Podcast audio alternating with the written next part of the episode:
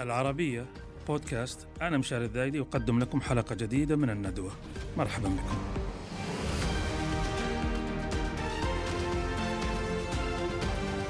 نقاشها اليوم سيكون عن موضوع سهل وبسيط لكنه في تفاصيله. أشياء كثيرة قد لا تكون سهلة أو آه، مباشرة يعني. لكن الموضوع بشكل مباشر هو كيف تناولت الدراسات الغربية الشأن السعودي؟ الدراسات الغربية الأكاديمية اللي تطلع من الجامعات ومراكز الدراسات وبعض وسائل الإعلام. كيف تناولت الشأن السعودي؟ بالذات موضوع التاريخ السعودي وموضوع حركات الإسلام السياسي في السعودية سنية أو شيعية. كيف تناولنا الغرب وكيف تناول السعودية؟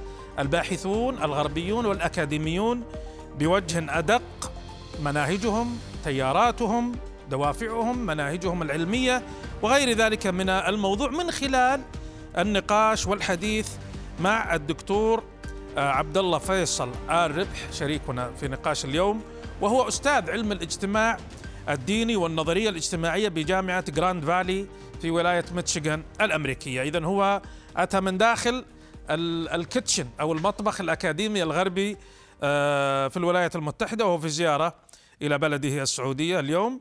الدكتور عبد الله قبل أن نفصل أكثر في اجتهاداتك ودراساتك في هذا المجال دعنا نبدأ من دراسة آه، لفتت انتباهي حقيقة صدرت لك يمكن هي من أحدث الدراسات التي كتبتها باللغة الإنجليزية أظن في الأساس بعدين باللغة العربية التي هي عن حزب الله الحجاز في السعودية صدرت قبل فترة بسيطة في عام في في العام الحالي في أعتقد. الحالي. في نعم في العام الحالي. جون. ووضعتها بمناسبة الذكرى السنوية لتفجيرات أبراج الخبر عام 96 في المنطقة الشرقية. خلينا نحكي عن هذه الورقة. ورقة كانت جدا متعبة آه، لأن الواحد آه، يبحث آه، في لا نقول لا شيء ولكن يبحث في آه، موضوع متشعب. معظم ما كتب عنه آه، لا يستند إلى آه، مصادر رصينة. آه، سبب غياب المصادر الرصينة أن لدينا رواية واحدة فقط اللي هي الرواية الأمريكية باعتبار انه فيه لو لو القضية مرفوعة في محاكم أمريكا آه، على بعض المواطنين السعوديين ال- المتهمين في هذه القضية واضافه إلى شخصيتين مجهولتين واحدة من لبنان وواحدة من آه، من إيران. آه، ما في رواية رسمية سعودية ما في رواية رسمية إيرانية. نتكلم بشكل محدد عن تفجير أبراج الخبر ولا عن حزب الله بشكل عام الحجاز؟ آه، نبدأ بتفجير الخبر. ال- الذي هو الفاتح حتى أو أبرز أعماله يعني. اللي هي أبرز الأعمال المنسوبة له ما في رواية رسمية من المملكه ما في رواية رسمية من إيران آه، ما في تبني صريح من آه، جهة معينة. آه، ال- كل من لديه آه، أجندة من الكتاب أو الباحثين يحاول أن يجير الحادثة آه، لخدمة أجندته في روايات متباينة منها من يتهم مواطنين سعوديين متواطئين مع آه، المخابرات الإيرانية ومنها من يتهم تنظيم القاعدة بل ويسمي بعض الأسماء. يسمي؟ إيه، يعني آه، عبد الباري عطوان في كتابه After بن لادن القاعدة the next generation ما بعد بن لادن آه، الجيل الجديد. الجيل الجديد من القاعده يتهم آه، آه، أبو ليث الليبي. أنه هو خلف العملية. ال- طيب على أي و- أساس يعني؟ وين المصدر ما إحنا عارفين. مم. ونفس الكلام لما نشوف أشياء أخرى نشوف أبرز المصادر هي الرواية الأمريكية باعتبار إن لويس فيري رئيس ال FBI السابق نشر تفاصيل كثيرة. نعم. لم يدعي أنه استند إلى ملف القضايا لكن رئيس سابق إلى جهاز أمني بحجم. ال FBI لابد أن يكون لا يتكلم من فراغ إيه لابد أن يستند هو على. كل حال تعرف ال- القصة الشهيرة أن السعودية آه، لم توجه أصابع الاتهام بشكل مباشر للحرس الثوري الإيراني وأذرعته لأسباب تفاهمات سياسية في وقتها للتهدئة وعدم منح ذريعة ولا يعني آه، ال- المقائمين بالعملية وهذا يقودني الحديث الآخر أو السؤال الآخر موجودين الآن في آه، ال- آه، يعني في الحوزة السعودية وأبرزهم أحمد المغسل يعني. فأنت كنت جبت هذه القصة ومثلت بحادثة إبراج الخبر لتدلل على صعوبة تجميع المعلومات الدقيقة من مصادرها. لكن لا دعنا نعود إلى حزب الله الحجاز. من هو هذا الحزب وكيف نشأ وما هو الفرق بينه وبين الأذرعة الأخرى التي تنشط ضمن إطار حركات الإسلام السياسي الشيعي؟ حزب الله الحجاز آه، كمنظمة آه، صعب جدا إن الواحد يجزم بتفاصيلها يعني مثلا إذا اقارن بالحركة الشيرازية، الحركة الشيرازية منظمة الثورة الإسلامية في الجزيرة العربية اللي بعدين تحولت لحركة الإصلاح قادتها معروفين، كوادرها معروفين، آه، خطابها ومنشوراتها اللي كانت في الثمانينات معروفة. وعملياتها معروفة وعم يعني وحتى لما رجعوا إلى المملكة بالعفو اللي صدر في التسعينات كان واضح آه، مجموعة حزب الله الحجاز إذا نبدأ من البداية فكرة خط الإمام أساسا مم. خط الإمام اللي خط اللي هو الجماعة والإمام نسبة إلى آه، قائد الثورة الإيرانية آه، نعم. سيد روح الله الخميني إذا جينا هذا الخط في البداية كان متعاطف مع أفكار الخميني وكثير منهم لا يرجع لها فقهيا. يعني هذه من المعلومات الكثير من الناس اللي خارج الدائرة الشيعية لا يعلمونها. الخميني لم يكن يتمتع بكثير من المقلدين خارج إيران بل حتى داخل إيران لم يكن أكثر تقليدا. يعني آية الله شريعة مداري سيد كاظم شريعة مداري أو حتى زعيم الحوزة العلمية في النجف السيد أبو القاسم الخوئي كان عندهم مقلدين أكثر. أه تنامى خط الإمام. وأصبح له رابطة فقهية كبيرة مع المرشد الإيراني الجديد ليش؟ لأن الشباب اللي في الخليج وفي الدول العربية اللي فيها نسب شيعية اللي ولدوا في نهاية السبعينات جيلي آه لما الخمنائي طرح مرجعيته في سنة ال 94 وهم شباب في نهاية سن المراهقة أو بداية العشرينات آه تبنوا مرجعيته فأصبح ارتباطهم فقهي وليس فقط آه، تعاطفي. آه، بداية آه، حزب الله الحجاز ظهرت مع أحداث الحج 1407 أي 87 1407 اللي هو الصدام اللي صار الصدام يعني هو بحسب ما يذكر بعض الباحثين انه تأسس في مايو سنة 87 آه، أحداث الحج حصلت تقريبا في يوليو نهاية شهر يوليو 31 يوليو. نعم. يعني تتكلم عن ثلاثة شهور. بداية التأسيس كان فقط بيان تأسيس من دون أي آه، لأول مرة يعلنون هذا الاسم. إي نحن موجودين حزب الله الحجاز ما في أسماء. أه بعدها بثلاثة شهور حصلت أحداث الحج طلع بيان ليتوعد إلى حد آخر بيان صدر آه، في العام الحالي ما في أي أسماء. لا يوقع بأي أسماء. آه، أبرز الأسماء اللي مذكورة عندي في البحث آه، عبد الكريم الناصر. الشيخ عبد الكريم الناصر شخصية ما حد يعرف عنها إلا اسمها. يعني ليس عالم دين معروف ليس خطيبا مفوها ليس كاتبا آه، لا يملك سمعة سواء سلبية أو إيجابية. نشرت ملاحظة عجيبة في الورقة. تقول إني لاحظت أنا إنه حزب الله الحجاز يتكاثر أكثر في البيئة الاحسائيه بينما الخط الشيرازي مجموعة آه، منظمة الثورة في الجزيرة العربية تكاثر في, في مناطق القطيف. طبعا ليس في بقع هنا وهناك. آه، هذا أبغاك يعني تشرح لنا الموضوع ده وكمان تشرح لنا ليش هذا الشيرازيين سموا منظماتهم الجزيرة العربية وصاروا ينسبون أنفسهم الجزيريون. نعم. بينما حزب الله الحجاز استخدم مفردة الحجاز. يعني آه بالمناسبة أيضا معلش بعد الجزيريون تلقفها بعدين تنظيم القاعدة أوه طبعا وداعش وصاروا يسمون نفسهم أبو الفلان الجزري والجزراوي وال... يبدو المصدر كان أقدم يعني من جماعة الشيرازيين هو ليش؟ لأنه لا يريدون الاعتراف بسلطة العائلة الحاكمة في المملكة م.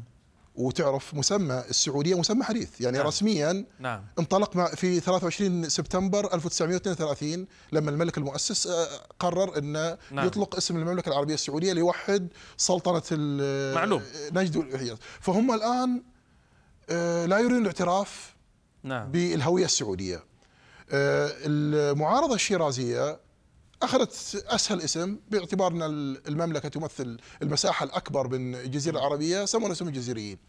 آه، بالنسبة لحزب الله الحجاز الاسم خلاص.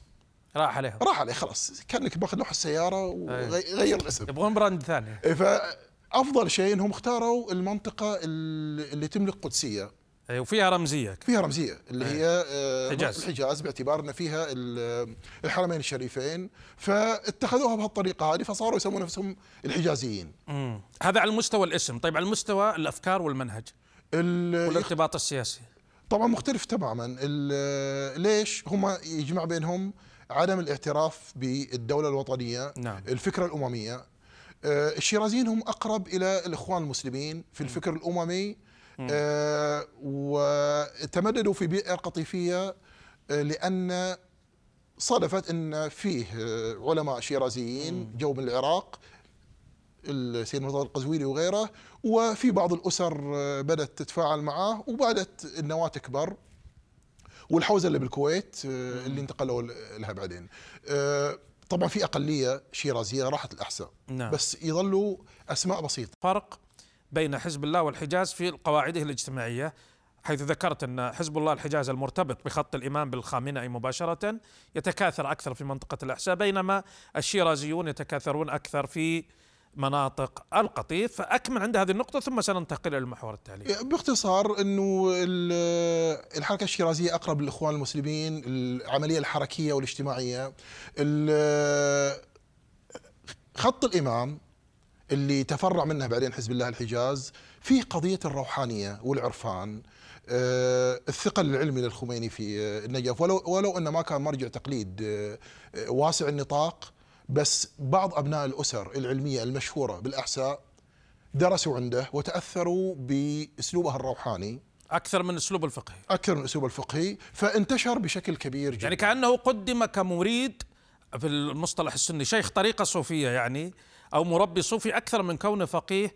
متضلع. يعني ربما هذه من نقاط الجاذبية التي جذبت بعض الناس آه، له في في منطقة الاحساء بشكل خاص. وفي نقطة إذا الواحد يذكرها على أثناء السريع. اقامته في النجف طبعا. طبعا في نقطة مهمة آه، صورته الروحانية حتى بتلاقي شيعة غير مسيسين آه، متأثرين جدا بل حتى الأمور السياسية يجيرونها إنه والروحانية. انتصاراته السياسية بسبب روحانيته وعرفانيته؟ إي عملية Eagle Claw ال- ومخلب النسر اللي كارتر حاول يحرر فيها الرهائن في في صحراء طبس و- وتحطم الطائرات أرجعوها إلى تسديد الهي فالنقطة هذه آه، حملت مريدين كثيرين في ال- المجتمع الأحسائي لأن خلاص في القطيف الحركيين اوريدي شغلوا مع الشيرازية. آه، اندرجوا في هذا السياق يعني. نعم.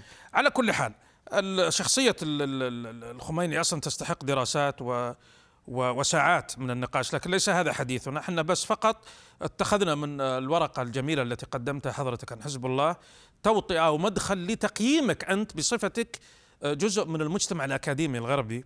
الأمريكي ما هو تقييمك للدراسات التي تصدر من حين وآخر من الجامعات الأمريكية أو مراكز الدراسات لموضوع الإسلام السياسي في السعودية؟ أنا ما أبغى أقول التاريخ عشان ما نتفرع واجد خلينا نقول الإسلام السياسي في السعودية. وطبعا يوجد ثلاث مستويات. في المستوى الأكاديمي اللي يصدر من بحوث علمية محكمة أو كتب في المستوى الآخر مستوى الثينك تانك أو مراكز الفكر في آه، المدن الرئيسية بالذات في واشنطن ولندن والمستوى الثالث الكتابة الصحفية. ما راح توقف كثير عن الكتابة الصحفية لأن غالبا الكاتب الصحفي آه، آه، يحاول يقدم وجبة سريعة إلى ال- آه، المتلقي. مستوى الكتب اهتم بالتاريخ أكثر من أي شيء آخر. البحوث العلمية المحكمة يعني حاولت قدر الإمكان إنها تلملم شتات الأفكار المتناثرة هنا وهناك. بالذات في صورة الإسلام السياسي في المملكة. آه، مراكز الثينك تانك نشرت آه، نشرت بشكل كبير. نشرت الكثير من الأبحاث آه، غير المكتملة. إذا جينا لأبرز الأبحاث اللي نشرت في السنوات الأخيرة ناخذ كتاب زمن الصحوة لستيفن لاكروا اللي تكلم عن الإسلام السياسي. لا قبل زمن الصحوة لأن زمن الصحوة يتكلم عن الإسلام السياسي السني بشكل عام. نعم.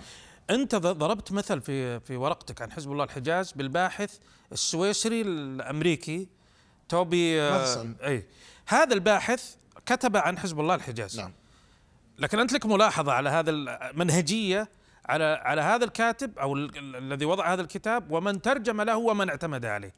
بناخذه كعينة كنموذج على الخلل الذي ممكن يصيب الدراسات التي تبدو أكاديمية عن عن الإسلام السياسي في السعودية الغربية، الدراسات الغربية. توبي من الباحثين اللي تخصصوا في شأن شيعة الخليج وصاحب قلم جيد وعامل بعدة مؤسسات أكاديمية كبيرة. آه، لكن أي باحث يأتي من خارج المنظومة حتى لو كان باحث سعودي أنا الآن عبد الله لو نعم. أروح لو أروح إلى القصيم وأحاول أدرس الإسلام السياسي السني آه، المجتمع آه، راح يكون حذر معي. نعم. نفس الشيء لو تروح تدرس الفكر صحيح. تحتاج الشيعي وقت عشان تتوغل فيه.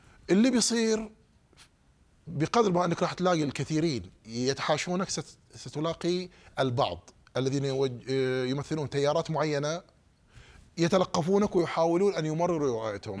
آه، توبي ماثسون وهذا بالمناسبة وقع فيه ستيفن لاكروا لكن مو بالوضوح على الأقل بالنسبة لي بنيجي فيه لستيفن. لاكروا لأن عندي نقطة خلينا في توبي بعدين نروح لستيفن توبي لما جاء آه، يدرس خط الإمام على سبيل المثال وجد قدامه تيار نشط اللي هو آه، المعارضة الشيرازية السابقة سواء ال- المعارضة اللي ما زالت نشطة في لندن وناخذ مثال كتاب آه، آه، الدكتور فؤاد إبراهيم آه، الشيعة في المملكة العربية السعودية. هذا غير كتاب حمزة الحسن طبعا. هذا كتاب في الأصل باللغة الإنجليزية عن دار الساقي وبعدين ترجم.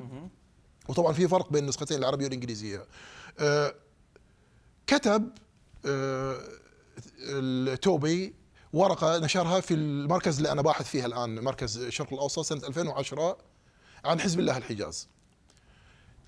تقرأ الورقة من أولها لاخرها هو يتكلم عن حزب الله الحجاز على هامش منظمة الثورة الإسلامية في الجزيرة العربية. يعني العنوان عن حزب الله الحجاز ولكن يتكلم عنهم على الهامش. تجي تشوف آه، مصادر يعني يتكلم عن الشيرازيين وحط في الهامش حزب الله الحجاز يعني هو نقل روايتهم أخذ شوية من آه، فؤاد إبراهيم أخذ شوية من المعارضين السابقين اللي رجعوا للمملكه واستقروا لأن هم الجماعة المنفتحين بأمانة. يعني آه، المعارضة السابقة هي الجماعة المنفتحة على الإعلام. على الإعلام، نعم. فبالتالي كانوا أكثر أريحية. مررت الرواية إلى توبي ماسون كباحث غربي عمل في عدة م- يعني في أكبر ثلاث جامعات آه، أمريكية متخصصة عفوا بريطانية متخصصة في شرق دراسات الشرق الاوسطيه توبي مر عليها كلها. فروايته أصبحت ذات مصداقية اللي حصل بعدين. كل من يكتب عن الإسلام السياسي الشيعي وعن حزب الله الحجاز يأتي ليقتبس من توبي الذي أخذ رواية جاهزة. وهذه إشكالية كبيرة لاحظتها في عند عند توبي. آه، يلام أو لا يلام هذا شيء آخر. ممكن نسميه ما يصير ما. يصير في إغراء كمان دكتور عبد الله بعض الباحثين العرب وحتى السعوديين لا اذا إذا وجد كتاب وعليه آه، دمغة باحث غربي أو حتى الجامعة امريكيه وكذا هذا بحد ذاته يجعله آه، آه، يشعر بالاطمئنان من ناحية الصرامة العلمية والمنهجية ويمكن في شعور خفي ببرستيج طبعا. إني أنا قاعد أغذي كتابي أو مقالي أو دراساتي بمصادر غربية فكأنه في نوع من البرستيج أكثر. يعني مما يدفع إلى الكسل في محاولة إنه هو يجد المادة بنفسه يحفر في الصخر يعني. لا والمشكلة بعد إذا تسمح لي بمثال أتوسع في مثال كتاب توبي. إن الباحثين العرب وهم ياخذون منه يا ليت أخذوا منه بعقلانية. في حالة كسل يعني غريبة. أنا بضرب مثال طريف آه، ذكرته في ورقتي. نعم. هو ذكر شخص اسمه عبد الجليل بالإنجليزي كتب عبد الجليل الماء A L M A وحط apostrophe بعدين A. ترجموها عبد الجليل الماء وخلاص. الماء الماء بالعين. إيه من هو؟ عبد الجليل الماء حدا ما نعرفه. لما قريت الاسم يعني أنا ابن أنا ابن البيئة نعم، الشيعية. أكيد. ما في عائلة في القطيف كلها اسمها الماء ما في عائلة بالاحساء اسمها الماء دورت دورت. آخر شيء طلع في شيخ انتمى إلى حزب إيه، عفوا انتمى إلى خط الإمام غير مسيس. هو كان يحضر دروس إيه. الخميني في النجف اسمه عبد الجليل ابن مرهون الماء مرهون الماء ولأن الأسماء المركبة عادة يحذف واحد منها عادة الشق الأول. الأول باعتبار إن عائلة في عدة عوائل اسمها نعم. مرهون في القطيف. فالناس تسميه عبد الجليل الماء اختصارا. توبي قابل ناس كثيرين. سمع اسم عبد الجليل الماء كتبها بالإنجليزي. أي. في كذا باحث كتبها. نفس الشيء بعد نقطة أخرى آه، هذه برا توبي. كثير من الروايات اللي فيها نوع من الطائفية آه، والتعبئة ضد الشيعة. تذكر اسم واحد اسمه آه، ضابط إيراني اسمه أحمد شريفي. تدور من هو هذا أحمد شريفي؟ ضابط مختص. بامر له علاقة بالشي- بالشيعة في بلد مثل المملكة. نعم. يطلع شخصية ما حد عارف ما لها وجود. طيب هذا توبي ما كنت بتمثل على ستيفن لكرو عشان ننقل بعد الشق آخر من الإسلام السياسي؟ ستيفن لاكروا لاكروا كتب عن الحركات السنية. طبعا ستيفن لاكروا عمل جهد جبار جدا في كتابة باحث فرنسي طبعا. باحث فرنسي كتب كتابه باللغة الفرنسية. أنا قرأت كتابه باللغتين الإنجليزية والعربية. الكتاب جدا ممتاز. ولما قرأت الترجمة العربية صدمت من جودتها بأمانة. طيب ملاحظتك كانت؟ ملاحظتي عليه شغلة واحدة إنه يبدو إنه من خلال جلسته مع الإسلاميين والصحويين خلقت حالة تعاطف مم. في الكتاب. القارئ يشوفها. آه، حالة تعاطف وكأنه اندمج معهم آه، طبعا مو مطلوب إنه يدين بس آه، حالة التعاطف كأنه تبنى بعض رواياتهم. تبنى بعض الروايات ما تشوف التمحيص المطلوب. هل هذا السبب هل السبب اجين مرة ثانية. زي ما سوى الشيرازيين منفتحين على الإعلام لأن نتذكر الوقت اللي جاء في ستيفان. فيمكن اللي فتحوا له الابواب ذاك الوقت طبعا تعرف طبعًا. ما في موقف رسمي من السروريين والإخوان عندنا. طبعا. كانوا متمكنين. فيمكن هم اللي فتحوا له الباب وقعدوا معه وجلسوه في المجالس والصوالين والديوانيات. يمكن طلعوا فيه البر. أنا أزيد أنا أعتقد انه أكيد. إيه. لأن لو تلاحظ الوجوه الصحوية يعني لحد قبل كم سنة آه، الوجوه الصحوية هي اللي كانت تصدر الإعلام. نعم. وهؤلاء جماعة يؤمنوا بالأممية يؤمنوا بال لا واهميه الإعلام. إن كمان أنا أكرس روايتي من الغرب فيصير في إعادة إنتاج. يعني أنا أقول لو أنا بجيك يعني وأقول لك روايتي بشكل مباشر أنا الصحفي الفلاني ما حتقبلني يكفي إني أنا مرتبطة باسمي بس لما تجيك على اسم ستيفان ولا مايكل لا يطلع لها شكل حلو يعني. فلذلك آه، هذا اللي صاير. آه، طبعا طيب أنا بختم بالسؤال والإجابة سريعة. هل تتوقع إنه ممكن ننتج إحنا باحثين سعوديين في المستقبل القريب على نفس الستاندرد الأكاديمي أو المنهج الغربي ما أبغى السياسي. في هذه في المجالات هذه الدراسات الإسلام السياسي. أنا أعتقد إن إحنا من دون أي مبالغة المملكة فيها كفاءات أكثر من رائعة. أنا جلست أنا بأمريكا الآن أكثر من 15 سنة. نعم. قابلت شباب سعوديين من مختلف المناطق يدرسوا في مختلف الجامعات. آه، المشكلة شغلة واحدة بس. أنك تعطي الباحث فرصة تعطيه أمل. لأنه في النهاية هذا الشاب اللي نعم.